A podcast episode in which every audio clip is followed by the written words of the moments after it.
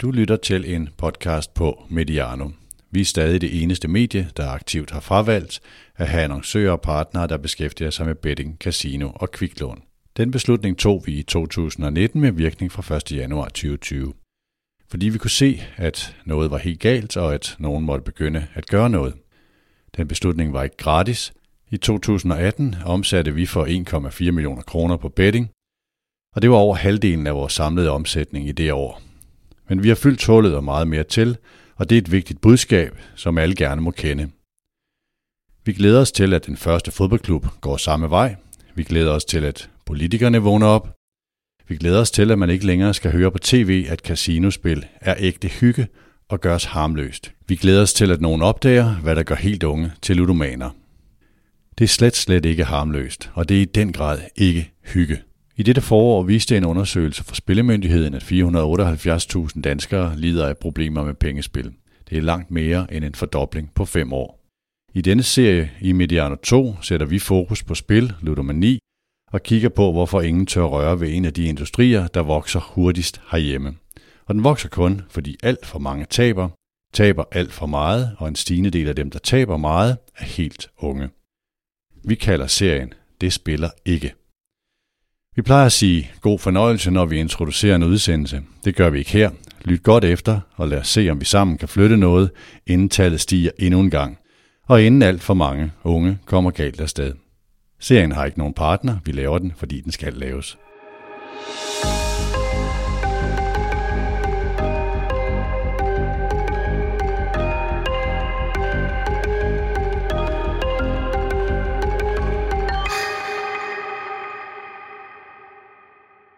Jeg bliver både gal og ked af det, og skide irriteret over at være i et samfund, hvor vi i så mange år har accepteret, at så mange skæbner ødelægger deres liv ved at spille. Sådan rungede det fra ellers altid flinke og joviale og milde Lønge Jacobsen. Det er ham, der råder med mikrofonen nu. Lønge har set en del i sine 71 år på jorden, både som sportschef og som sportsdirektør, og som socialchef i kommunen, og formentlig i tiden indimellem. Lønge, hvorfor var det nødvendigt at råbe op lige nu? Ej, det er jo ikke første gang i mit liv, jeg har sat fokus på det her. Du og andre kan jo nok huske, at øh, vi også har været nogle af dem, der kom i overskrifterne i OB med en spillesag i sin tid med Jimmy og David. Ja. Og den kan jeg roligt forholde mig til, for den har de begge to jo levende beskrevet, hvad det var. Også dengang gør opmærksom på, at øh, jeg synes måske, at der var for store udfordringer for vores fodboldspillere. Og at jeg så også kritisk på, når man spiller, og når man bliver ludoman i, som fodboldspiller, hvad kan det så kaste, af, kaste af sig i øvrigt? Begynder man at spille på egen kampe, fordi man bliver presset, fordi man skal tjene penge osv. Så dengang, der var jeg også ude. Øh, på den ene side, så var der rent faktisk for at beskytte Jimmy og David, fordi de kom jo i mediernes søgelys. Øh, men det var også for os at, at, at sige, at øh, uh, spillemyndigheden, de synes jeg også var lidt for aggressiv. Så det er ikke noget nyt for mig. Og jeg har da også sådan... Øh, privat og på anden vis, øh, når jeg har muligheden, øh, snakke for, at øh, jeg synes, det skal, vi på en eller anden måde skal lave en større indsats for, at vi ikke får lavet så mange ludomaner i Danmark. Hvad, hvad håber du at opnå ved at råbe op nu? Jamen, når jeg ser en, en uh, rapport og en undersøgelse, som er lavet, som fortæller, at de seneste fem år, der er, altså når, når vi snakker folk, der spiller for mig, så snakker vi i forskellige grader. Men næsten uanset om du tager den milde, den mellemste og så ludomanien, så er øh, antallet mere end fordoblet i den femårige periode. Og når den rapport den kommer på banen, så sidder jeg og venter på en politisk reaktion. Fordi de plejer at være hurtige. Bare der er fire danskere, som spredt i Danmark eller samme sted bliver udsat for et eller andet i, i samfundet, så plejer man gerne at have ministeren i samråd. Men den her rapport, der ser jeg ingen politikere gå frem og, og tage det op. Jeg hører skatteministeren sige, at en gang til efterår, så vil han se på det her. Og min frygt, den er jo ikke blevet mindre af, at det ser ud som om, vi skal have folketingsvalg hen over efterår. Så bliver jeg bange for, eller bekymret for, at den her rapport, den som så meget andet øh, inden for den her genre, egentlig bare får lov til at ligge, og at den ikke bliver genstand for det, som jeg synes, den skal. Altså, det er jo skræmmende læsning at læse den. Og lige, øh, vi kommer tilbage til den her rapport, men bare lige her i indledningen. Det er den, der er lavet af Spillemyndigheden her i foråret 2022, som viser, at 478.000 danskere har problemer med spil, og næsten 30.000 er egentlige ludomaner som er en, en kraftig stigning fra den rapport, der blev lavet fem år tidligere, eller det er mere end en fordobling øh, på, på det store tal. Vi kommer tilbage til den der rapport. Øhm, handler det her, Lyng, også om, at du nu er en fri mand, er ude af OB som selskab, og øh, siden øh, sidste år også er bestyrelsen for OB, og nu primært har med foreningen OB at gøre? Ja, det gør det jo selvfølgelig, fordi man er jo nødt til øh, hele tiden at, at være lojal også i den, øh, i den situation, man er i på et givet tidspunkt. Og det betyder jo ikke, at jeg ikke internt en gang imellem har løftet det her flag og, og sat fokus på det. Men altså den, det har med det at gøre, men det har også noget at gøre med, at når vi, når vi kigger på, hvad der sker i området i øjeblikket, så er reklamedelen, den er blevet så aggressiv fra spillevirksomhederne, spilleindustrien. Og jeg ser desværre, at først og fremmest fodbolddelen, og det er ikke bare i Danmark, det er worldwide, tror jeg, at de følger med i den aggressive øh, hvad skal man sige, øh, reklamedel, der er. Vi ser nu, at, at spillefirmaerne er kommet ind på, på trøjerne. Det har de trods alt ikke været, hvis vi bare går få år tilbage. Vi har set her i ugen, jeg vil ikke nævne navn, fordi der er ingen, der er værre end andre i det her. Her synes jeg, men i fodboldens verden skal sige vi. Altså det er klubberne, det er DBU, det er Dansk Idrætsforbund, det er øh, Divisionsforeningen, det er politikeren. Altså, og nu glemmer jeg sikkert nogen, men jeg mener, det er virkelig stor spekter her, hvor folk skal kigge sig selv i spejlet og finde ud af, om, om de synes, de gør det rigtige. Og når folk ikke gør noget, er det så fordi, at pengene er for store? Det er der ingen tvivl om. Altså det her, det lugter jo af dansen om guldkalven. Vi har set her i ugen, og jeg vil ikke nævne navn, men vi har set i ugen, at der nu er en ny Superliga-klub, som har fået en, et spillefirma. Ingen skal jo ikke nævne dem, for de vil ikke have reklameret for nogen som helst spillefirma, som er blevet en stor sponsor i, i den der Superliga-klub, vi snakker om. Og det er, det er så flot, fordi de beskriver jo så, hvor vigtigt det er at have fået den her sponsor. Og så har vi jo aftalt, at vi vil lave noget velgørenhedsarbejde sammen. Og så sidder jeg der og tænker, hvorfor fortæller de det? Altså, hvorfor fortæller de mig, at nu har de så valgt det? Det gør de af en eneste årsag, tror jeg. Og det er, vi ved godt, det her det har skyggesider. Vi ved godt, det her det ikke er ret godt. Så både som spillefirma og som klub, så vil vi lige sende, fortælle jer, at så gør vi noget andet godt, når, når vi gør det her skidt. Mm. For jeg synes, det er skidt. Så det kalder du et finblad, kan jeg høre? Ja, Ja, det kommer vi nok også tilbage til. Lad os lige få præsenteret det, den her sammenhæng, du som lytter er dumpet ind i. Du er gået i gang med anden afsnit af vores serie på Mediano, der hedder Det spiller ikke. Første afsnit var en samtale med journalisterne på Jyllandsposten, Thomas Lund Hansen og Kenneth Thyesen, hvor de blandt andet fortalte om Frank og Morten, der begik selvmord i kommentarsporet på, da vi lagde den her udsendelse op, så kunne man høre om flere selvmord og om pårørende, der fortalte om, hvor hårdt det er at være en del af. Vores serie er en opfølgning på to ting. Et, Spillemyndighedens rapport, som vi nævnte i indledningen fra foråret, der viste, at næsten 500.000 danskere har spilleproblemer. Og, øh, så to, øh, Medianos egen holdning fra 2020 om at stoppe for reklamer for betting, casino og kviklån. Og så anbefaler Mediano lytterne at følge med i både Jyllandsposten serie, øh, og podcasten Radio Afhængig, som konkret fortæller om både spil og andre former for afhængighed, hvor Christian og Benjamin i rollen som værter, der selv har ødelagt en, øh, en del af, af deres liv på spil, øh, og nu kæmper med at være tørlagte øh, ludomaner, det hedder noget andet, men altså spilfri øh, øh, ludomaner, fordi man bliver aldrig man stopper aldrig med at være ludoman. Det er i hvert fald en ting, jeg har lært af at, at lytte til det her. Mit navn er Peter Brygman. Og hvis vi lige skal præsentere dig, Lykke, for, øh, for lytter, nu skal jeg ikke gøre dig ældre, end du er, men altså Medianos, Medianos lytter er unge. Øh, jeg har set dig spille på Aalborg Stadion i 70'erne, som hed det Inderving. Ja. Og det var med ryg nummer 8, er det Ja. korrekt huske? Yes. Ja. Og på et hold, der rummede folk som Børge Bak, John Holm Jensen, Carsten Simensen på mål. Hvem er der ellers, sådan, der er blevet sådan nærmest legender? Oh, ja. Jamen, det er så lang tid siden, som du siger, at jeg skal vist bruge lidt tid på lige at, at kalde holdet frem. Ej, Henning Munk har jeg også spillet med. Ja. Ove Bjerg har jeg spillet med, så øh, der var mange dygtige spillere. Og du fik 287 kampe for, for OB. Alle velspillede. Hvad for noget? Alle velspillede. Alle velspillede, det har de, altså, det har de selvfølgelig været. Og så var Lønge ude i den virkelige verden, det kommer vi også tilbage til, øh, men som sportschef og som sportsdirektør i OB fra perioden 96 til 2013, det er 17 år. Og manden, der hentede både Ståle Solbakken, Erik Hamren, Kent Nielsen, Rette Pritja, Sia Bonga Nomvete, Frank Strandli øh, og Martin Eriksen blandt andre til, øh, til klubben. Lønge, det her med nordjyder, vin, ad libitum og transferfri spillere, det er også sådan en sætning, der er blevet meget knyttet til dig øh, og politikken øh, i, øh, i, i OB. Hvor kom den egentlig fra? Jamen, det er, ikke, det er ikke en, jeg har læst nogen steder. Nogle af de ting, jeg har sagt igennem tiderne, det har jeg nok set et eller andet sted. Men den her, jamen jeg ved ikke, det er vel et eller andet med, jeg sådan lige vil fortælle, at det der med, at nordjyder, de er mådeholdende, det er rigtigt nok. Og det kan godt ske, at der er nogle københavner, der på et tidspunkt har sagt til mig, øh, det kunne have været Holmstrøm for eksempel, der kunne have sagt til mig, hvad med jer? Det er vel noget af det, der viner ad libitum. Det er vel det, I sætter højst. Og så kan det godt ske, at jeg så har koblet det op imod noget andet. Med transferfri spillere? Ja. ja. Øhm, sådan i dag, hvordan har du det?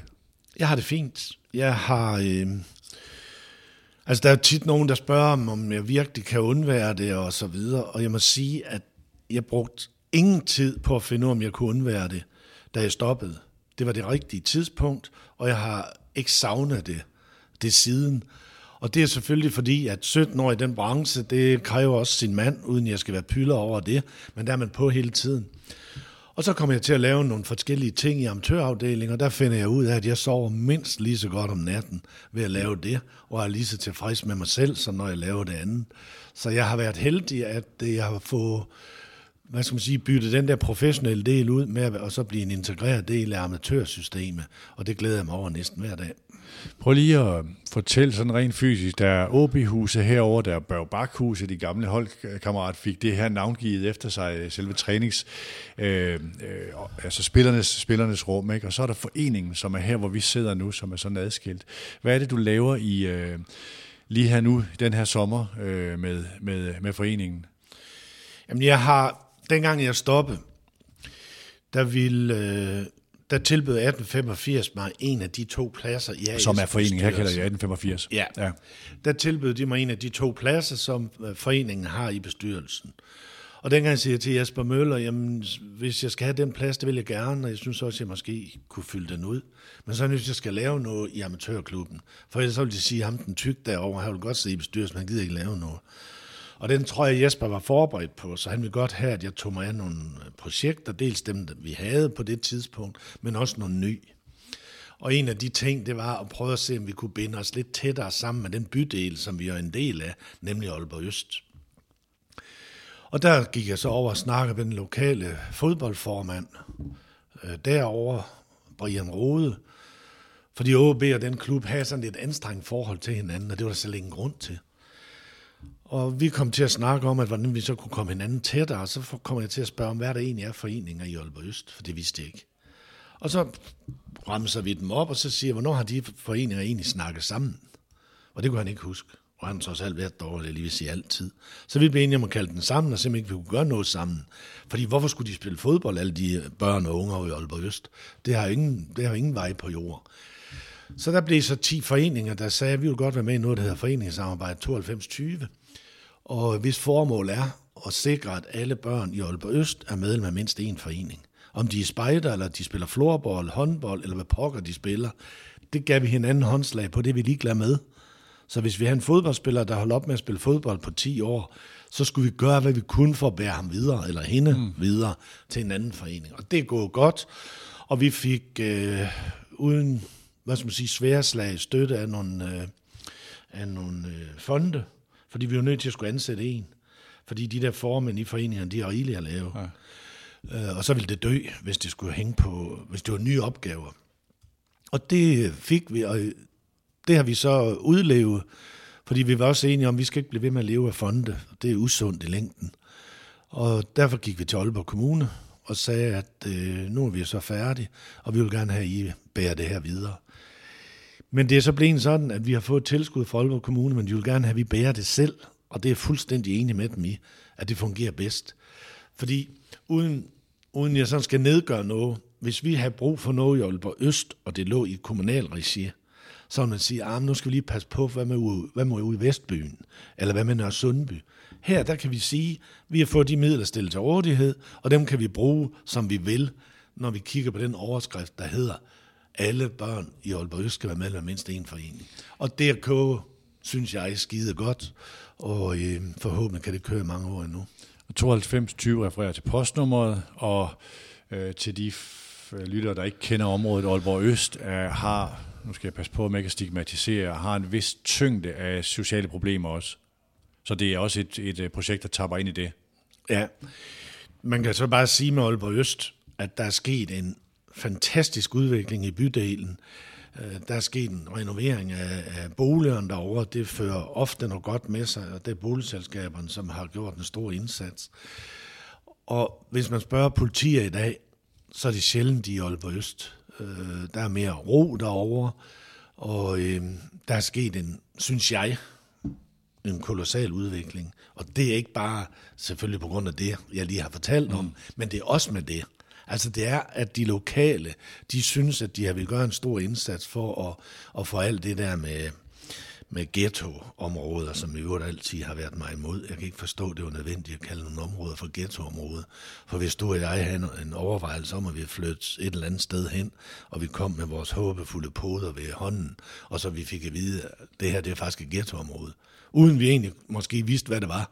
Bare det at høre, at det her det ghettoområde, det lugter langt væk af dårligdom, og så ville vi sikkert gå over til naboen og se, ja. om ikke vi kunne få en lejlighed der i stedet for. Lad os gå tilbage til det her opråb, øh, som du kom med. I første omgang blev jeg opmærksom på det på TV2, eller TV, øh, TV Nord, øh, som havde en snak med dig. Hvad var det, der fyldte dit bære? Var det bare den her rapport? Eller bare? Var det den, der var anledning til det? Jo, når, når man er lidt optaget af det her, og har øh, kendskab til, øh, hvad der ligger af lige lasten i, i, den her, i det her område, så er det jo ikke, fordi jeg ikke er opmærksom på det løbende. Men jeg kan jo ikke sætte fokus, forsøge at sætte fokus på det hver anden mandag. Altså, det, det kommer der ingenting ud af. Og så var anledningen her lige pludselig, for jeg gik faktisk og ventede på, nu sker der noget. For den her rapport, den må sætte ild i nogen. Jeg ser ingen politiker. Jeg ser ingen politiker på skærmen, der siger, at det her det er godt nok ganske forfærdeligt. Det skal vi have gjort noget ved. Jeg ser ingen branche, en fodboldbranche, som jo er dem, der hvor reklame indtægterne er størst, og det er omkring øh, fodboldkampe. Vi ser flest reklamer på tv. Jeg ser ingen sige noget. Og jeg får jo grimme tanker, og jeg ved jo godt, man skal passe på, hvordan man udtaler sig. Men jeg har altid lært, hvis jeg siger, at det er mit indtryk, så er der ikke nogen, der er kommet efter mig. Så jeg vil sige, det er mit indtryk, at der har været nogle interesser i det område her, der har gjort, at nogen de ikke har rørt ved det. Jeg synes jo ikke, jeg er interessant. Så det, det handler ikke om, at jeg ikke kan forstå, at de ikke citerer mig. Men det handler om, at jeg kan ikke forstå, at de ikke sætter fokus på emne, når nu det kommer op. At du synes i sagens omfang, at, at den fylder for lidt? Det synes jeg. Og jeg, jeg kan egentlig heller ikke forstå,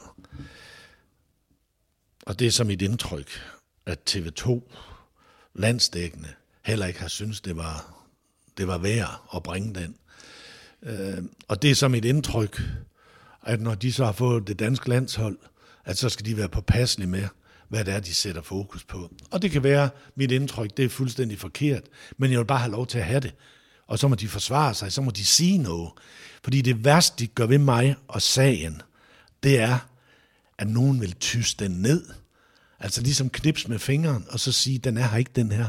Hvis vi tiger stille i en uges tid, så er broden taget det her, som dermed så meget andet. Nu, skal vi, øh, nu sidder du her, Lynge, med din indignation. Jeg sidder med min indignation. Politikerne, medierne, klubberne, øh, der har bettingpartner, er ikke til stede, så vi skal lige passe på, hvor, øh, hvordan vi, vi, vi gør det her. Det kan let blive hørt som et partsindlæg. Men når du siger det her med politikerne, så går jeg ikke ud fra, at du mener, at politikerne er korrupte og betalte. Når du siger interesser, er det så noget med, og nu refererer jeg til noget, som øh, Søren Gade øh, sagde i en medianuudsendelse, hvor han siger, at det fylder så meget på finansloven, det her. fordi industrien er blevet så stor, så man skal helst ikke pille ved den. Er det sådan nogle ting, tror du? Det er næsten lige nok det, jeg siger. Og jeg er glad for, at du nævner Søren Gade, fordi jeg blev faktisk så glad for Søren Gade for år tilbage.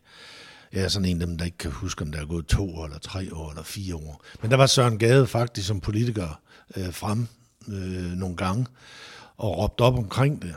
Men han fik jo heller ingen konkurrence. Altså det var jo ikke sådan, der var nogen, der stillede op og talte ham imod, som jeg husker det. Og øh, jeg har hørt på et tidspunkt, og nu burde jeg selvfølgelig kunne sige, hvem det var, for ellers så bliver det som, som sådan bare noget, jeg måske slynger ud. Men der var jo politikere, der sagde, at det her det er ikke verdens letteste opgave. Hvor skal vi skaffe alle de penge til breddeidrætten, hvis øh, vi, vi forbyder spil? Men ja, mit, mit, jeg er ikke ude efter, at man skal forbyde spil. Jeg er ude efter, at vi tager en voksen debat og en ærlig debat om, at det her noget, vi bare tyser ned, og vi lader køre, vi lader udvikle os? Eller vil vi ind og styre det her? Vil vi ind og sige, vi vil ikke være med til, at det her det udvikler sig på den her måde, og hvordan gør vi så det? Mit forslag, og jeg er ikke verdensmester i det her, men mit forslag, det er, at vi, klipper, at vi kigger på den aggressive øh, reklame, der er for at spille. Og hvis der er nogen, der vil bilde mig ind, at det fylder egentlig ikke ret meget ved dem, der spiller, så er jeg nødt til at sige, så tager jeg totalt fejl af de dygtige mennesker, der er inden for spilleverdenen, at de bruger så mange penge på reklamer, og det ikke hjælper en skid. Det, det, det tror jeg simpelthen ikke på. Ja, lad os lige prøve, hvis vi lige skubber det med aktørerne, politikerne, medierne og for så vidt også klubberne øh, til lidt senere, og så lige kigger på det her med øh, øh, regulering af bettingmarkedet, regulering af markedsføringen. Det du siger, du øh, taler overhovedet ikke om et forbud mod betting. Du taler om en regulering af markedsføringen. Ja. Øhm, og som er, uden jeg har præsente tal på det, så er det øh, en industri, der omsætter for, jeg tror det er en små 10 milliarder i Danmark, i forhold til de der tal, der kommer frem, øh, og som markedsfører sig rigtig meget, specielt omkring sportsbegivenheder. Hvad er det, der er galt med markedsføringen? Jamen, jeg, jeg synes, den er, øh, den er for aggressiv, den er øh, øh, jo undersøgt uden tvivl af alle dygtige mennesker, hvordan rammer vi bedst de kunder, som vi gerne vil have. Og det gør man jo ved at lave hyggelige reklamer, hvor det ser ud som om, uh, hvor vi hygger os, når vi, når vi sidder og spiller. Og det gør man ved at, at trække øh, de, der nu for eksempel er fodboldinteresserede, der sidder og kigger fodbold, hvad de er på stadions, eller de sidder derhjemme, at øh, nu kan man så øh, til odds et eller andet øh, spil på, hvem der får den næste hjørnespark, eller om der er en spiller, der får et gult kort, og så begynder man jo egentlig meget, meget at kigge ind i aftalspil på fodboldbanen. Fordi her er det jo forholdsvis enkelt. Altså, hvordan skal du og jeg bevise, at der er nogen, der tager Google kort med vilje? Hvordan skal vi bevise, at der er nogen, der sparker nu til hjørnespark, selvom de med lethed kunne sparke den op ad banen eller et eller andet? Og det siger jeg ikke, det sker. Men det er min frygt for, at hvis vi bliver ved, at så nærmer vi os de, de her situationer. Og vi har jo set, at rundt omkring i verden, det har vel også været i Danmark, at der er nogen, som laver aftalspil i det her øh, område. Så det er knyttet op på matchfixing også, altså den der øh, ængstelse for de her ting. Ja. Øhm, prøv lige at tage den her med øh, hygge, øh, som er markedsføringen, der ofte er i casinodelen af det, øh, som ofte bliver markedsført som det er helt almindelige mennesker på skærmen, de taler ofte jysk, Øh, og de fortæller om, hvordan de blev helt vildt overrasket, de lige pludselig via det spil nummer tre vandt en frygtelig masse penge, og hvad der sker der? Jamen, jeg, altså, jeg er, jo ikke, jeg er jo ikke mester i det her. Det er der nogle øh, eksperter på reklameområdet, der kan udtale sig mere om, end jeg kan. Men for mig bliver det en oplevelse af, at industrien er så dygtig, at de ved nøjagtigt, hvilke knapper, der skal trykkes på, for at trække de mennesker, som spiller en lille smule, for de kommer til at spille noget mere, eller få nogle nye spillere ind. Og der er gaver. Øh, jeg ved, at øh, hvis man ikke har spillet i et stykke tid, så kan man få en, en mail, besked på, at øh, vi har ikke set dig længe, og hvis du vil spille igen, så kan du få øh, 500 pins eller kroner, eller hvad fanden det er. Jeg aner re- helt reelt ikke, hvordan det er, man spiller. Jeg kan ikke spille online selv. Øh, så og, og, og det er der, hvor jeg synes, at nogen skal stå imod, at der bliver brugt så mange midler på at finde ud af, hvordan angriber vi det her på reklameren, så vi får fanget så mange som muligt. Der er ingen tvivl i mit sind, det er opgaven. Hvad skal de ellers bruge alle de penge for øh, i, i, i det område? Og her er jeg så inde med noget andet. Hvor ville det være klædeligt, at man i de områder, hvor det her det er mest tydeligt, altså med reklamer, at man ikke venter på, at nogle politikere skal tage en beslutning. At man ikke venter på, at det skal komme fra England. For jeg håber og tror på, at den oplevelse, jeg har i engelsk fodbold med the best team win og så videre og så videre, at det også bliver englænderne, der først siger, Nixon, Bixen, vi stopper med det her show, vi gør noget andet. Det vil være utrolig godt for området, hvis man forsigtigt begynder at diskutere, hvad kan vi gøre? Og måske selv kommer først og siger, vi synes, vi skal gøre sådan og sådan, fordi det får man det bedste resultat af.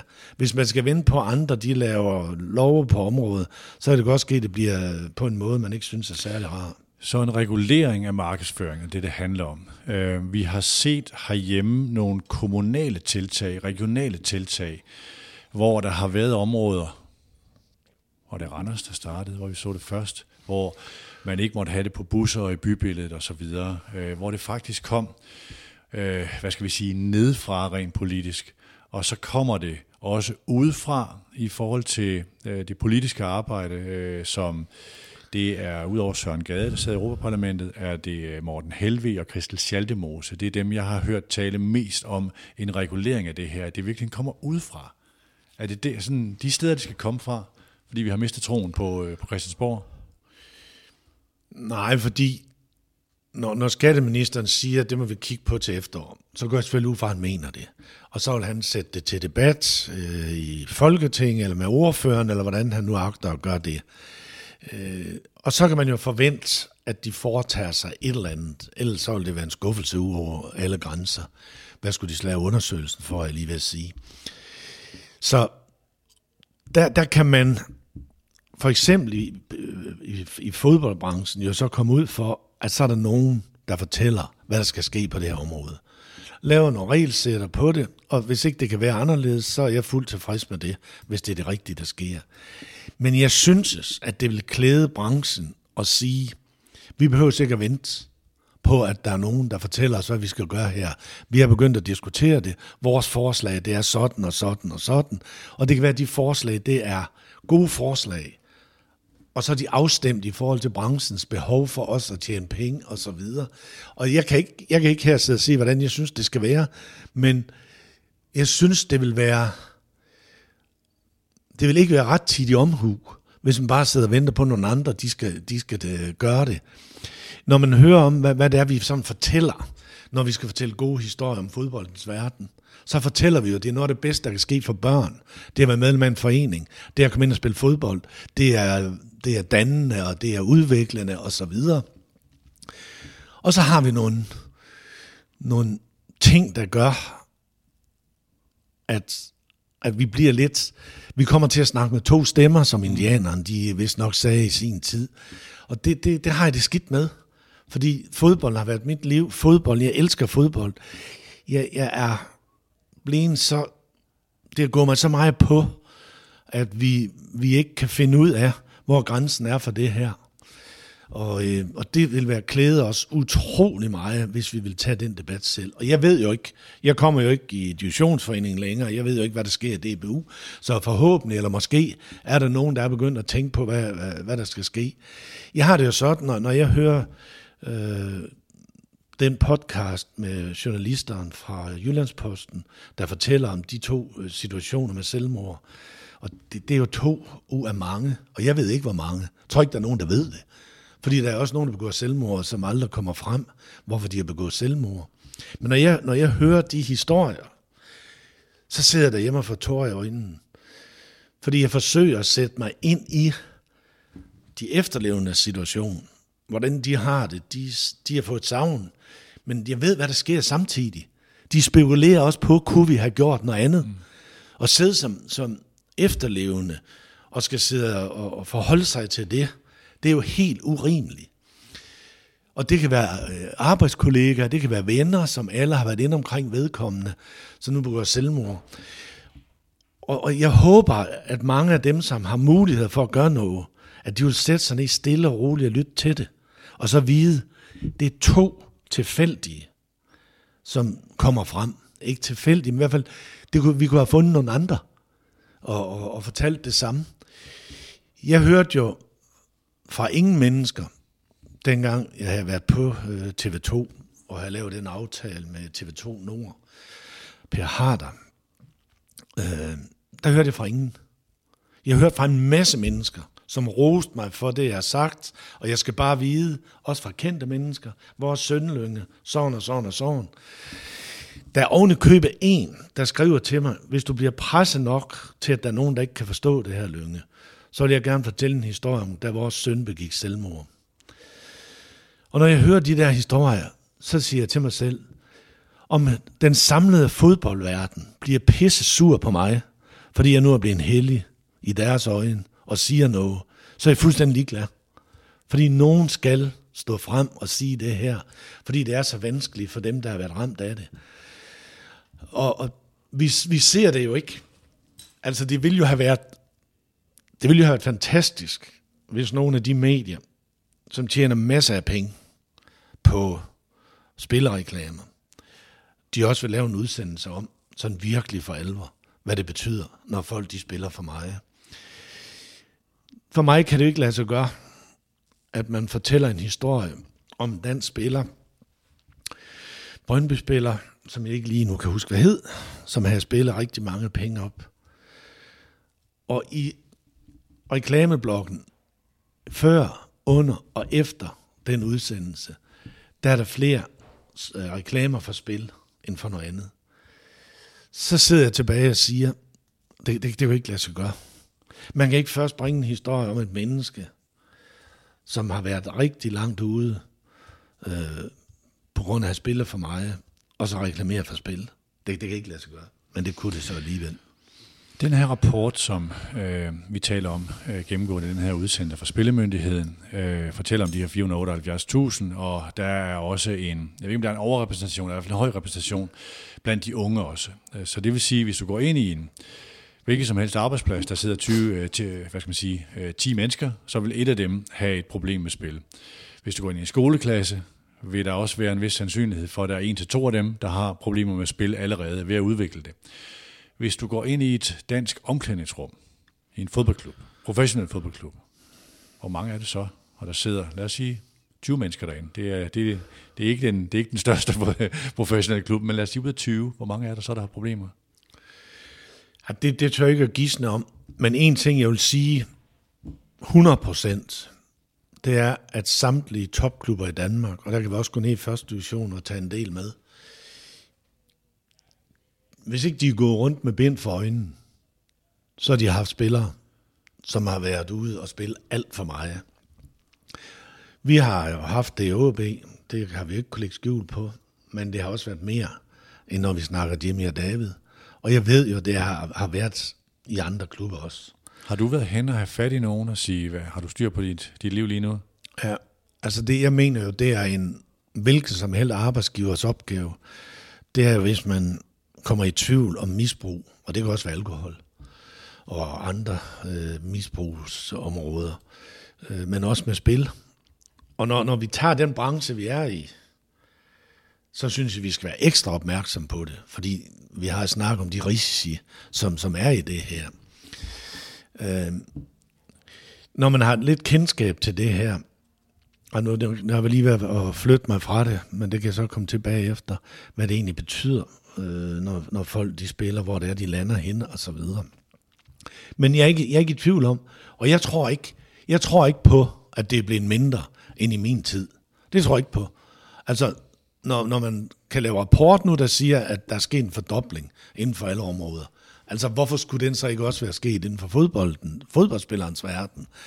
Og nogle steder er det jo lidt svært at opdage, fordi hvis du har penge nok, så har du egentlig spille meget, inden der er nogen, der opdager, at du står og mangler penge. Øh, så jeg har ikke nogen grund til at tro, at det, at det bliver en væk.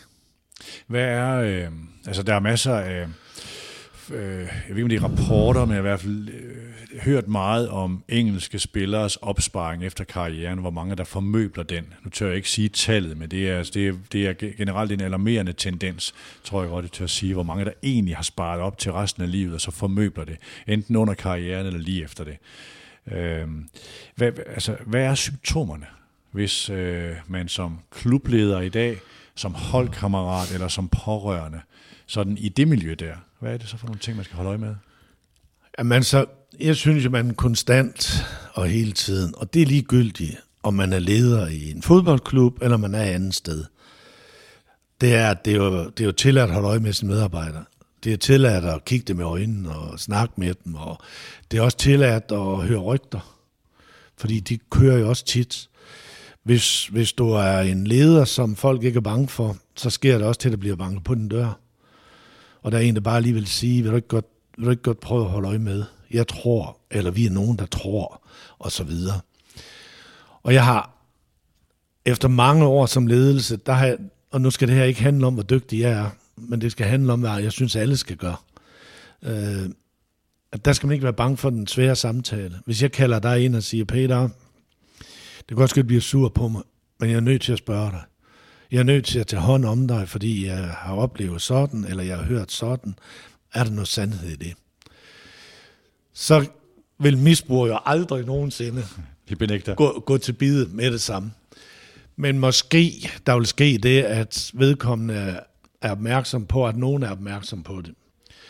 Og måske vil det også betyde, at når man er kommet langt nok ud, at man så tør at gå tilbage og sige, prøv at høre, jeg har faktisk et problem. Ja, for det kan også være en udstrakt hånd.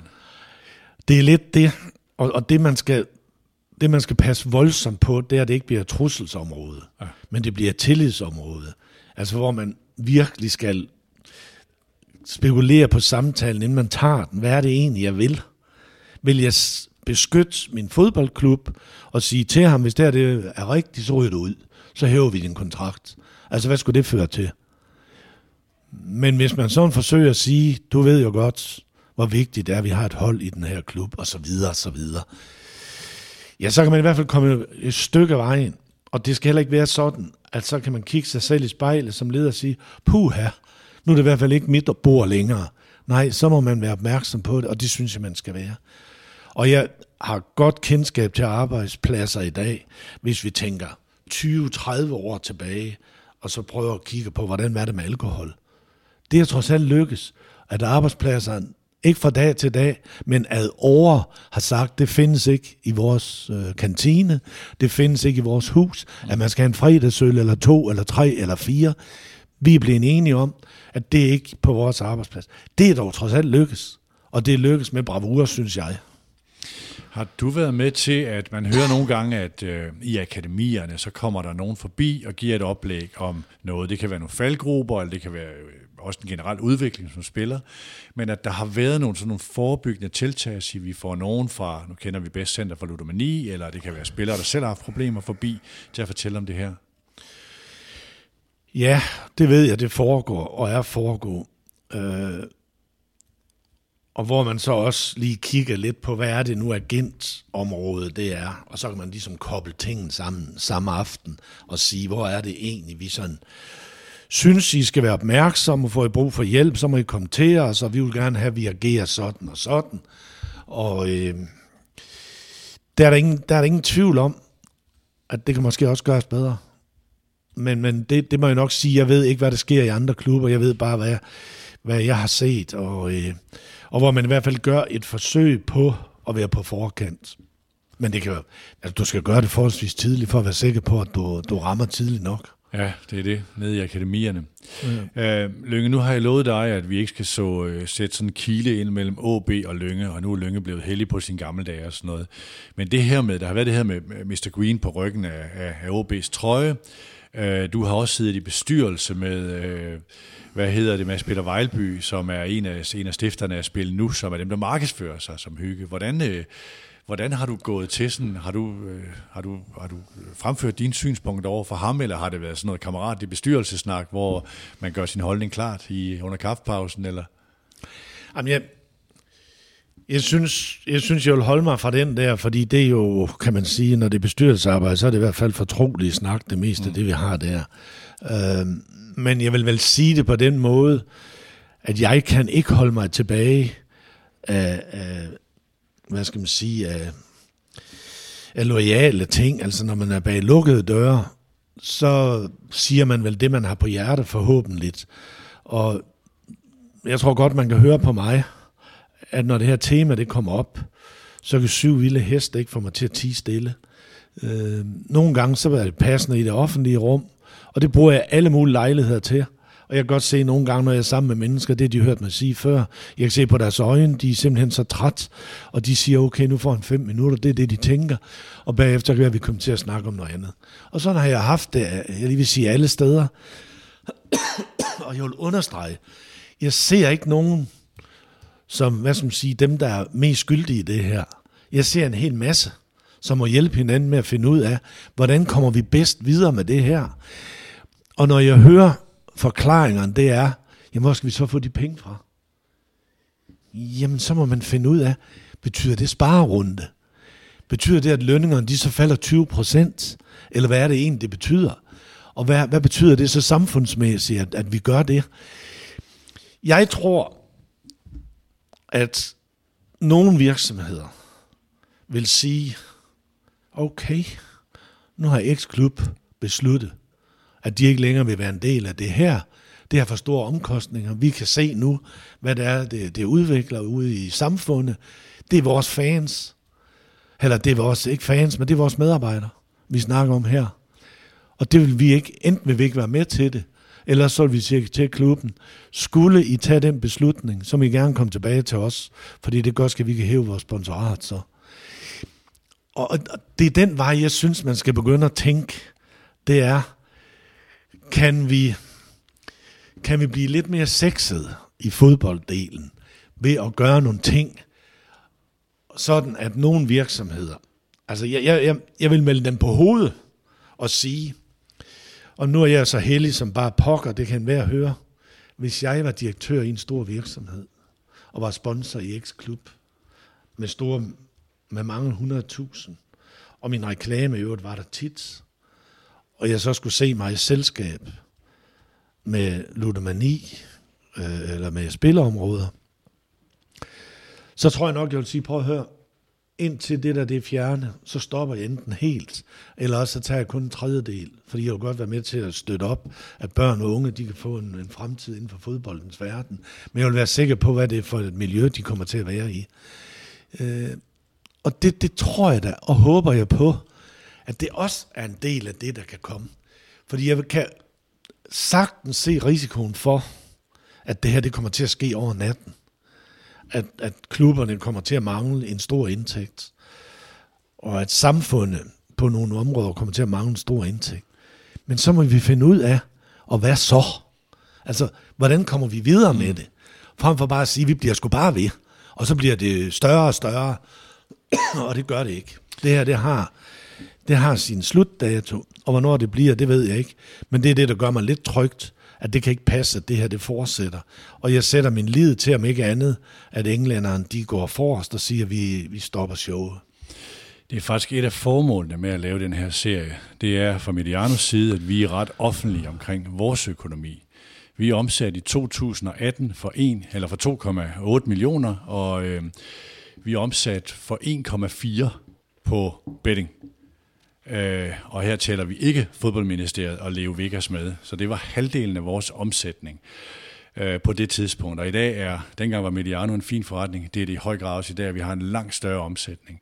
En af de første henvendelser, vi fik kort tid efter, var fra et større dansk pengeinstitut, som ønskede et bettingfrit miljø. Det kunne vi ikke give dem, fordi vi havde Arbejdernes Landsbank som vores hovedpartner allerede dengang, så det blev ikke til noget, men det var sådan det var for mig ret bekræftende på, at det her er den rigtige vej. Og jeg, jeg bruger ofte Formel 1 som et eksempel på, da de fjernede tobakken, sagde man, det går helt rabundus, ikke? Det er ligesom ikke gået ret meget rabundus i Formel 1, så vidt jeg kan se, øh, uden tobak. Så det kan godt lade sig gøre, de her ting.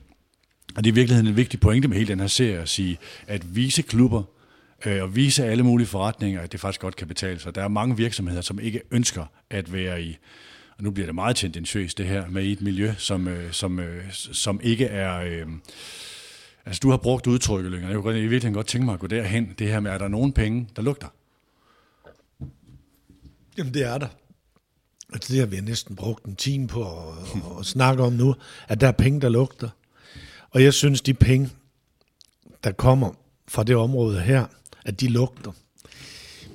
De lugter i hvert fald så længe, at vi ikke tager diskussionen i det offentlige rum, eller at klubberne kommer og har en holdning, at divisionsforeningen kommer og har en holdning, at DBU kommer og har en holdning, at Dansk Idrætsforbund kommer og har en holdning, at politikerne de kommer og har en holdning, så vi kan få drøfte. Og, og jeg er jo ikke den her i verden, der er den klogeste på noget som helst. Så hvis man efter en lang diskussion og eksperter og så videre finder ud af, at det er jo ikke den vej, vi skal gå, altså den, som jeg simpelt ser på, at det må være noget med reklamer, vi skal bryde ind, eller vi skal holde øje med, og vi skal regulere på. Jamen, så, så bliver jeg tilfredsstillet som borger, og som, hvad skal man sige, en, der trods alt stadigvæk har lidt stemme i, i samfundet, så bliver jeg tilfredsstillet. Det, der ikke tilfredsstiller mig, og det, der gør mig harm, og det, der gør, at jeg er ked af det, og jeg er sur, og, og så videre, det er, at, at vi lærer det ligge. Mm. Altså, hvordan, hvordan kan det næsten lade sig gøre, at jeg ikke bliver ringet op af nogen som helst, der er sure på mig i branchen? Lønge, nu er du fandme blevet så heldig, og nu er du dit, og nu er du dat, og kunne du ikke tage stikke pipen ind, fordi det her, det betyder meget for os. Der er ingen, der er ingen, der ringer til mig. Der er ingen journalister, og jeg har understreget, det er ikke fordi, jeg mener, at Lønge er interessant, men udmeldingen er interessant. Der er ingen, der ringer til mig for at følge op på det, og hvad mener du med det? Bortset fra, at, øh, at vi nu sidder her, og I også har det her som et tema.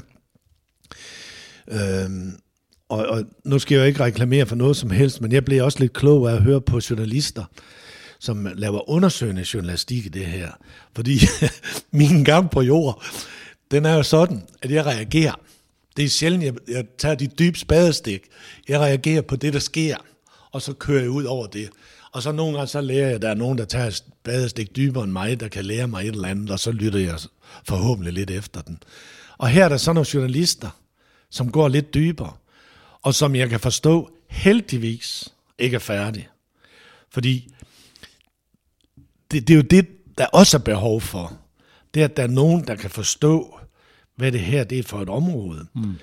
Og, og, og det, der glæder mig, og det, det, der er godt for mig, fordi det får mig også til at sidde ned i stedet for at rejse mig op nu, det er, at, at de to journalister behandler det ordentligt, seriøst, og, og, og fortæller stille og roligt om, hvad det er. Og ikke så mig, der siger, skud og fanden og helvede, og lad os komme videre, og nu skal der ske et eller andet. Fordi det er jo det, der til syvende og sidst bærer igen. Så kan det godt ske, at det er godt, der er nogen, der råber højt, og der er nogen, der så øh, kan understøtte det på, på hvad skal man sige, en, en, en professionel måde. Fordi, altså, jeg har jo kendt det her, jeg vil sige hele mit liv, fra den der tidligere del, jeg også har haft i mit liv. Og jeg kender det også privat, ikke på egen familie, men jeg kender det på andre, der har været tæt på. Historien med, at der er en forholdsvis ung mand, der spiller for mig historien med, at der går lang tid, inden han fortæller sin familie om det. Han fortæller først sin familie om det, når han har lavet underslæb i et par foreninger. Og foreningerne de er parat til at slå en streg over det, hvis der kan ske tilbagebetaling af det beløb, som, øh, som, som... Fordi, det skal vi lige huske, vi snakker ikke om grimme mennesker, der spiller for mig. Ja, det er en ulykkelig historie. Ja, det er helt almindelige fyre som dig og mig, det er mest mænd, som bare øh, falder i. Men hvor skal pengene så skaffes hen? For det unge par kan ikke skaffe dem selv. Det gør svigermor. Hmm. Svigermor, hun er alene. Så hun tager lån i sit hus. Og så kan man sige, så er alle lykkelige. Men der er jo ingen, der er lykkelig. Fordi svigermor, hun skal nu stoppe, eller fortsætte med en gæld som pensionist, som er større end det, hun egentlig har regnet med, hun skulle.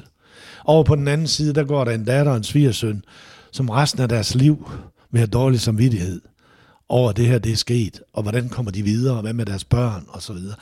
Og det er de historier, som vi kan, og den her, det kan man sige, det er, så, det er i hvert fald mange der lander på den her måde.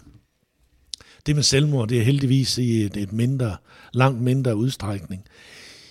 Men når jeg hører journalisterne sige, at, at antallet af ludomaner, det svarer til parken, den er fyldt op. Det er nemlig nogle gange vigtigt.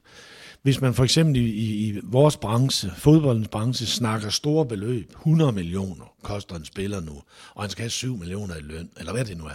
En gang imellem skal vi lige stoppe op og sige, hvad er egentlig det her for noget? Hvor, hvor stor beløb er det i grunden, der? Altså ligesom vi kan blive fartblind, så kan vi også blive blind i forhold til penges værdi og penges størrelse. Mm. Og når vi snakker om, om de her ting, hvad er 25.000 ludomaner? Det er mange. Så forholder folk sig ikke rigtigt til det der tal mere. Men parken næsten fyldt op.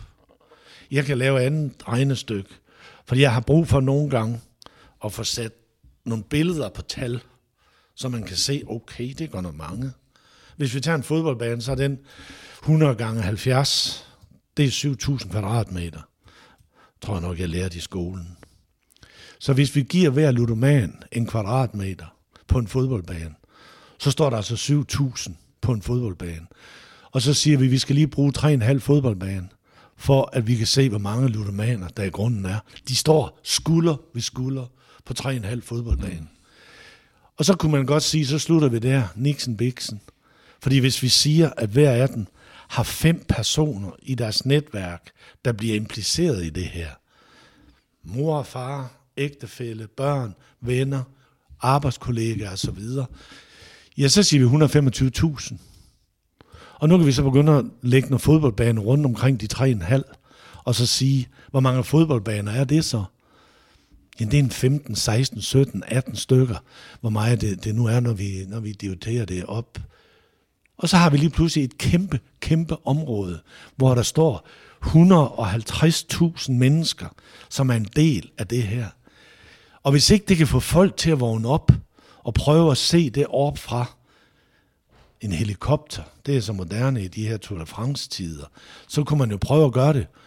Man kunne visuelt sige, her har vi så 20 fodboldbaner. De er så stort, og de er klistret til med folk, som er en del af det her. Det er så bare sådan, jeg gør det en gang imellem, og så bliver det jo fuldstændig lamme, fordi jeg kan jo se alle de mennesker for mig, og det er ikke sjovt for nogen af dem. Nej, de her tal, du refererer til, det er jo også fra Rambøl-rapporten. Det er Rambøl, der har lavet den her for Spillemyndigheden. Der var det øh, 29.500, der var i den høje kategori, som er at betegne som ludomaner. Og det er tal, der er steget voldsomt, så det er nok ikke forkert at sige, at i dag er det enten tæt på 30.000 eller forbi 30.000, der er rene ludomaner. Lad os prøve at springe over til det her med de unge. Øh, vi kommer til i en senere udsendelse også at gå dyb, dybere ind i de ting, som er i den her udsendelse med journalisterne fra Jyllandsposten, hvor de fortæller om øh, streamere og YouTubere, der sidder og markedsfører sig, eller øh, bliver betalt af bettingvirksomheder og fortæller om, hvor, øh, hvor fantastisk det er, at man har mulighed for at vinde det her, og deres publikum er unge. Men inden for fodbold, det er jo ulovligt at markedsføre sig på mindreårige, eller øh, øh, øh på spil over for mindreårige, men når så du har spillere som, øh, nu ved jeg ikke, hvem det har været i OB's trup, om var Oliver Ross under 18, da han rendte rundt med Mr. Green, øh, Rune Bajaji, og han er i hvert fald rundt i FC København med Unibet på, øh, på brystet. Hvordan har du det med, med, med den slags? Det er jo ikke smuthuller, det er jo bare sådan, øh, altså en sponsor er på brystet eller ryggen af alle trøjer, og spillerne bliver yngre. Om jeg har jo også gjort mig den ulejlighed, at jeg har prøvet at kigge på, øh, på de merchandise-trøjer, som ryger ud. Hmm. Hvem er det en, der, der, der køber dem? Ikke jeg laver undersøgelse, men jeg prøver at kigge på, hvem, hvem kan få en trøje med, med reklamer på. Og der kan man sige, der siger man jo så, at øh, det er kun voksenstørrelser. Så er det kun voksen, der kommer til at gå med de trøjer. Og når jeg så går ind og undersøger, hvad voksenstørrelser det er, så starter det ved small. Og når jeg så ulejliger mig ud blandt fans, så snyder de mig voldsomt, hvis nogle af dem der, de er 18 år, som går rundt med, med reklamer på tøj. Jeg har også kunne se det på tv, når der har været en af klubberne, der, der har mange tilskuere. At ja. der, der står i hvert fald børn, unge under 18 år, med, med reklamen på. Og det, det er jo det samme at området fortjener jo en bejmand. Fordi det er så dårligt, at klubberen ikke på forhånd siger, ups, her skal vi lige passe på. Her skal vi passe på, at vi ikke får for mange trøjer ud, som nu øh, der er unge, der går i, fordi det er ulovligt. Lad os tage et konkret eksempel. Ikke, fordi jeg ønsker, at du skal pege fingre af FC København. Øh, hvis nu FC København, der har Unibet på brystet, øh, mark, eller, øh, har trøjer i small, eller måske endda ekstra small, øh, er det så sådan en bevidst omgåelse, øh, hvor man siger, vi sælger ikke i børnestørrelse, vi sælger i ekstra small?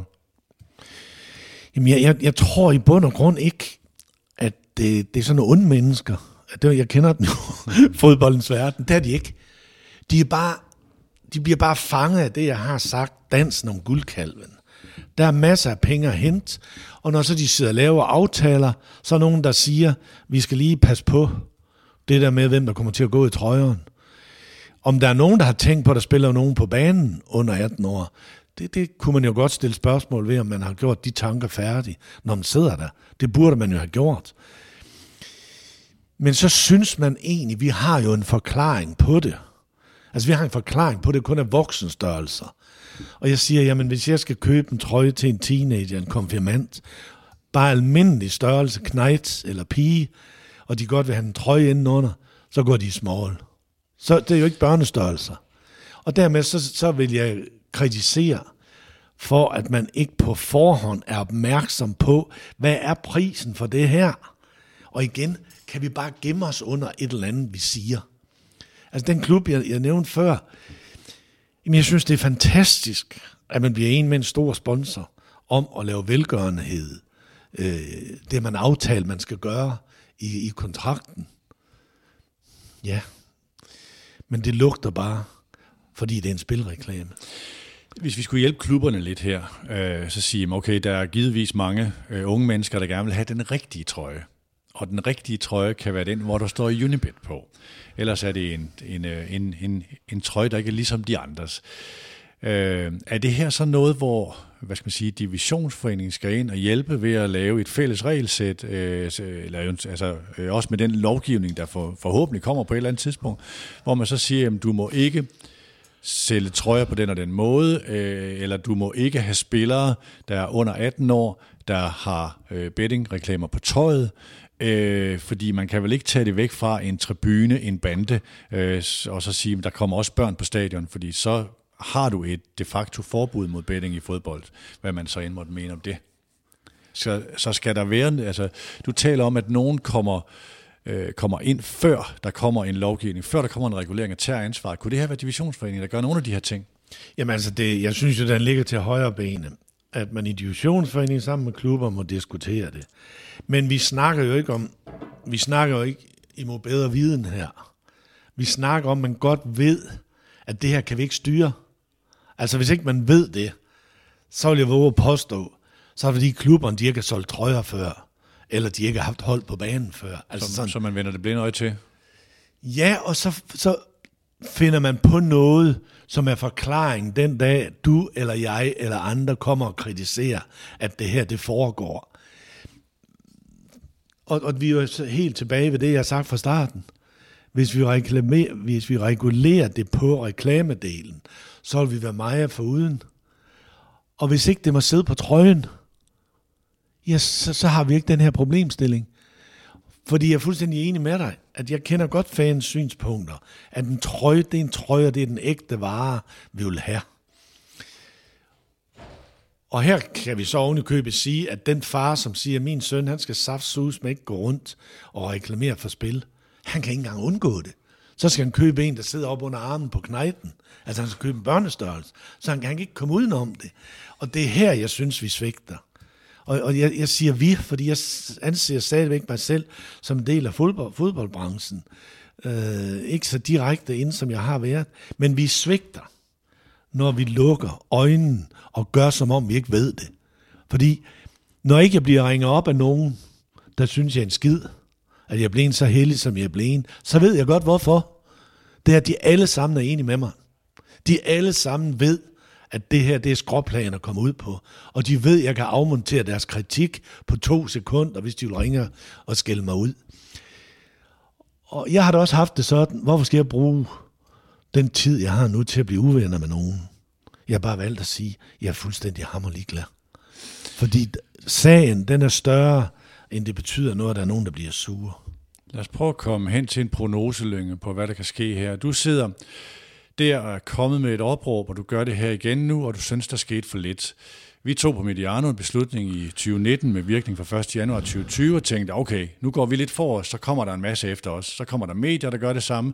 Der kommer fodboldklubber, der siger, vi kan ikke satse på et akademi, og så have en, øh, en øh, Mr. Green øh, partner på. Det var måske FC Nordsjælland, jeg, jeg tænkte på dengang, for det fylder ganske, ganske lidt i deres omsætning. Men der er ikke sket noget. Øh, så hvor tror du, det skal komme fra? Du nævnte noget med England, du nævnte noget med udlandet. Hvor tror du, det skal komme fra, øh, den forandring, som formentlig kommer på et tidspunkt? Men du kan jo prøve at skrue tiden tilbage, Peter. At dengang I tog jeres beslutning, hvor stor en nyhed var det i Danmark? At der nu er jer, der siger nej til at vil have bettingreklamer. Det var jo ikke nogen stor nyhed, er jeg ret sikker på. Nej, jeg synes nu alligevel, der var noget Danmarks Radio-omtale, der var noget øh, mediemedier, altså Media Watch, journalisten og den slags, øh, der var noget, der var noget politikken og sådan noget, ikke? men det var jo det var typisk de medier, som ikke har en økonomisk interesse i det. Det var faktisk det, jeg mente. Okay. Det var faktisk det, jeg ja. mente. Så det, det betyder, at vi skal, vi skal op på en høj skala, og det er ikke noget, noget, noget dårligt sagt om jer, men vi skal op på en skala, hvor at det er, lad os sige, de fem største sponsorer i dansk fodbold, der har kontaktet hinanden og sagt, skal vi blive det her? Har I tænkt over, I vil noget, og så videre. Altså, vi skal op, vi skal op i noget, der sådan virkelig batter, der virkelig truer øh, området. Og jeg, jeg, har det, jeg har det stadigvæk sådan, at jeg, jeg, jeg kan tåle mig, hvis vi bliver ærlige i det område her. Øh, om det skal koste 5 kroner mere at gå til fodbold, det er nok ikke det, det skal. Men man kunne måske prøve at undersøge, om ikke man kunne skaffe de samme sponsorater. Og nu har jeg været i branchen. Skulle lønningerne gå 10% ned, så ved jeg, at der ikke er nogen, der går fra hus og hjem på grund af det. Mm. Så der findes nogle veje at gå. Og jeg ved godt, der er så nogen, der siger, hvordan skal vi så konkurrere med England, og hvordan skal vi konkurrere med Italien, og så videre, og så videre jamen så konkurrerer vi på at være ordentlige. Vi konkurrerer på, at vi vil noget andet med fodbolden. Først og fremmest tænke på, om vi kan blive, øh, om vi kan komme med i det ene gruppespil eller det andet gruppespil. Og, og det er jo voldsomt, jeg siger det. Men vi er nødt til at være et eller andet sted, hvor vi tager hånd om det. Og jeg mener absolut ikke, det behøver at være enten eller i øvrigt. Jeg mener, at vi får goodwill ved at tage det op og diskutere med vores omgivelser. Hmm. Men tror du, at det bliver Tror du, det bliver England, der kommer til at være de første, hvor du ser en, en, øh, en større regulering, hvor det ryger af trøjerne? Der er jo rigtig mange engelske klubber, der har bettingselskaber på trøjerne. Det vil i hvert fald være et af de steder, hvis det sker, så giver det jo genlyd. Og hvis det sker, så kommer det til at smitte. Øhm, og jeg har da sådan hørt nogen, der er lidt forstand på det her, sige, de snakker om det i England de snakker om det i klubberne derovre, mm. at, at de skal til at kigge på det. Fordi jeg tør slet ikke at tænke på, hvad tallene kan være i England, når vi ser, hvad tal vi, vi har i Danmark. Jeg ved ikke, om de har lavet en undersøgelse på det.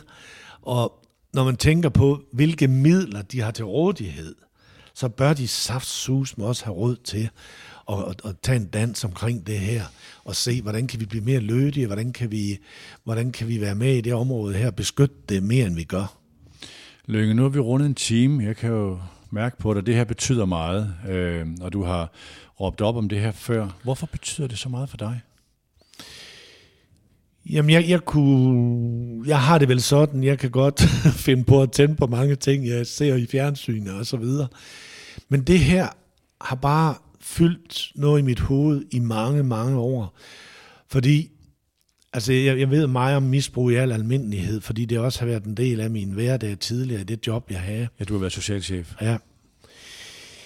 Men det her med at prøve at sætte sig ind i og spille for mig, også fordi det så ligger inden for min egen branche næsten.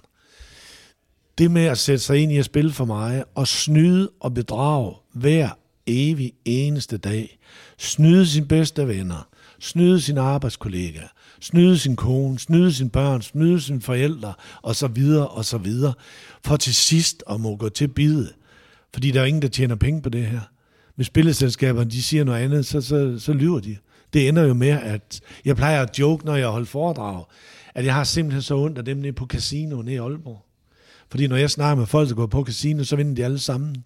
Og der ser jeg den stakkels ejer af casino komme med en stor sportstaske med penge i, og gå ned hver eneste aften og lægge de penge ind i kassen, for så at gå hjem med en tom task, når dagen den er om. At jeg er simpelthen ondt af ham. Mm. Men det så joker jeg selvfølgelig med, at jeg kender ikke så mange, der tjener penge på det her, hvis jeg kender nogen. Nej.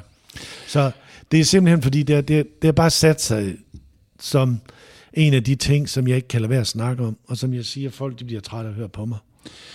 Det, er jeg ikke sikker på, de gør. Øh, tror du fans, som noget af det sidste, vi lige skal forbi, øh, deres stemme kan betyde noget her? Jeg har indtryk af, at der er et viskehør for det, du siger her. Øh, et viskehør for den her, du har også brugt udtrykket kvalme, over det, man ser omkring store sportsbegivenheder på tv, hvordan det er pakket ind i, i især spilindustrien. At fans, der siger fra, kan betyde noget? Det vil betyde alt.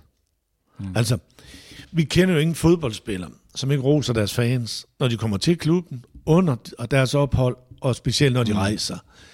Vi kender jo ikke nogen sportsdirektør for at være i fodboldbranchen, der ikke roser deres fans, den vigtige 12. mand, og så videre, så videre. Hvis de danske fans, de bliver enige om, at nu vil jeg se dialog med divisionsforeningen, vil de dialog med klubberne, fordi det her, altså, danske fans er jo nødt til at sige, at det er vores. Det er vores venner. Mange af dem, der kommer til at spille ja. for mig. Og, og, og, og det er der, jeg synes, der er nogen, der svigter ved ikke at sige vi. Altså, det er ligesom sådan, det, det er også sådan noget, der ligger lidt ude. Øh, jeg har jo for ikke så lang tid siden snakket med en ung mand, som fortalte mig, at når han stod på stadion, så ville han egentlig ikke spille. Men når han så odds i pausen, op på storskærmen, så kunne han ikke lade være. Hmm. Fordi som spiller, bare det at se oddsen, det trækker ham. Altså, de odds der, det kan, det kan jo ikke slå fejl, og, og jeg skal tjene mine penge osv. Så, så selvfølgelig vil det være meget, meget afgørende, at fans de også siger, det her, det er vi ikke vilde med. Nej, fordi de er jo ikke pavestolte, når OB offentliggør en kontrakt med Mr. Green, Når FC København offentliggør Carlsberg, ryger af brystet, Unibet kommer ind. Der er det typisk sådan en reaktion at sige, hmm, det har vi det ikke godt med, gående over til nogen, der øh, direkte siger fra. Øh, så det er jo sådan en, de, er jo ikke, de, de bliver jo ikke budt velkomne med åbne arme, de her selskaber. Nej, og det må vi så håbe, at, at der er nogen, der hen ad vejen også kan være med til at trykke en lille smule. Øh, stadigvæk ind i det rum, hvor jeg siger, lad os nu komme til at snakke om det. Lad os nu få hesten ud af stallen og finde ud af, hvad betyder det ene, og hvad betyder det andet. Og der jeg siger, jeg synes, der er mange skyldige i det her. Lad os slutte af med lige at øh, bagvendt varedeklarere nogle ting. Når vi har talt om de her ting, og Lønge har sagt om øh, interesser i på det politiske øh, niveau, interesser hos, hos klubberne, så er det jo ikke fordi øh, politikere bliver anklaget for at være korrupte, eller øh, klubber tager penge, som, øh, som, som er forkerte. Det er jo bare et spørgsmål om stillingtagen. Det handler om markedsføring, øh, regulering af den del af bettingmarkedet, ikke at hverken, jeg tror, ja, jeg har så indimellem spillet en 20'er på, Danmark klarer sig godt i en eller anden kamp, eller et eller andet klubhold gør noget, og du har formentlig gjort det samme. Så det handler ikke om en regulering af bettingmarkedet, det handler om markedsføring. Ja. Er det sådan nogenlunde korrekt fortolket? Ja, det er det. Det blev øh, måske ikke det mest kritiske interview, jeg har lavet. Øh, serien Det spiller ikke er heller ikke klassisk objektiv nyhedsformidling. Mediano har taget stilling. Vi forsøger at gøre noget. Vi forsøger at løfte hjelmen på en industri, der vokser og vokser. En industri, som politikerne ikke skal have klinket ret meget i, som klubberne heller ikke tør røre, og som medier heller ikke ligefrem går med fanerne højt hævet, men bare har skamfulde mængder af annoncørbetalt skrammel, er det vi jo ser mest af lige nu her i forhold til alle mulige medier, der skal tjene penge på øh, den, øh, den digitale trafik, og så bliver det annoncørbetalt. Der har Øh, det var faktisk en, øh, en bettingvirksomhed, BetExpert, øh, nogle dygtige journalister der har, har fundet nogle ting frem med, var det Fyns, det var Tipsbladet, og det var Fyns. Øh, det var faktisk også interessant at se, øh, hvordan øh, nogle af branchens egne folk gik ind og fandt annoncørbetalt indhold, øh, hvor det var sådan, sådan kan du omgå Rufus det her register, øh, som, som jo er er næsten sygelig formidling øh, af, af, af, hvordan man, man, man kommunikerer til ludomaner. Du har lyttet til Lønge Jacobsen. Var der noget, du ikke fik med, Lønge, som du godt ville have haft med? Nej, jeg synes, vi har været omkring, eller så ved du, jeg kan tænde en halv time mere. Jeg skal jo lige sige, uh, nu siger Lykke selv det der med, at det, var det bare ham, der ville i medierne.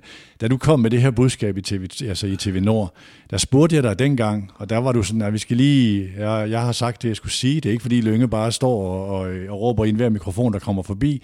Så gik der noget tid, så henvendte jeg mig igen, da vi begyndte at lave den her serie, og så sagde du ja. Så det er ikke sådan, fordi du har været, øh, du står og råber øh, øh, altså til enhver mediemand, der kommer forbi. Nå, det er i hvert fald et budskab, som Mediano rigtig gerne bringer videre, når nu medierne ikke ligefrem går i gåsegang for at citere det. Du har lyttet til Mediano og et afsnit i vores serie, Det spiller ikke. Tusind tak, Lykke. Selv. Vi laver afsnit hele sten, øh, sensommeren og i efteråret. Følg med i Mediano 2, hvis du synes, at det her emne er interessant. Vi høres ved.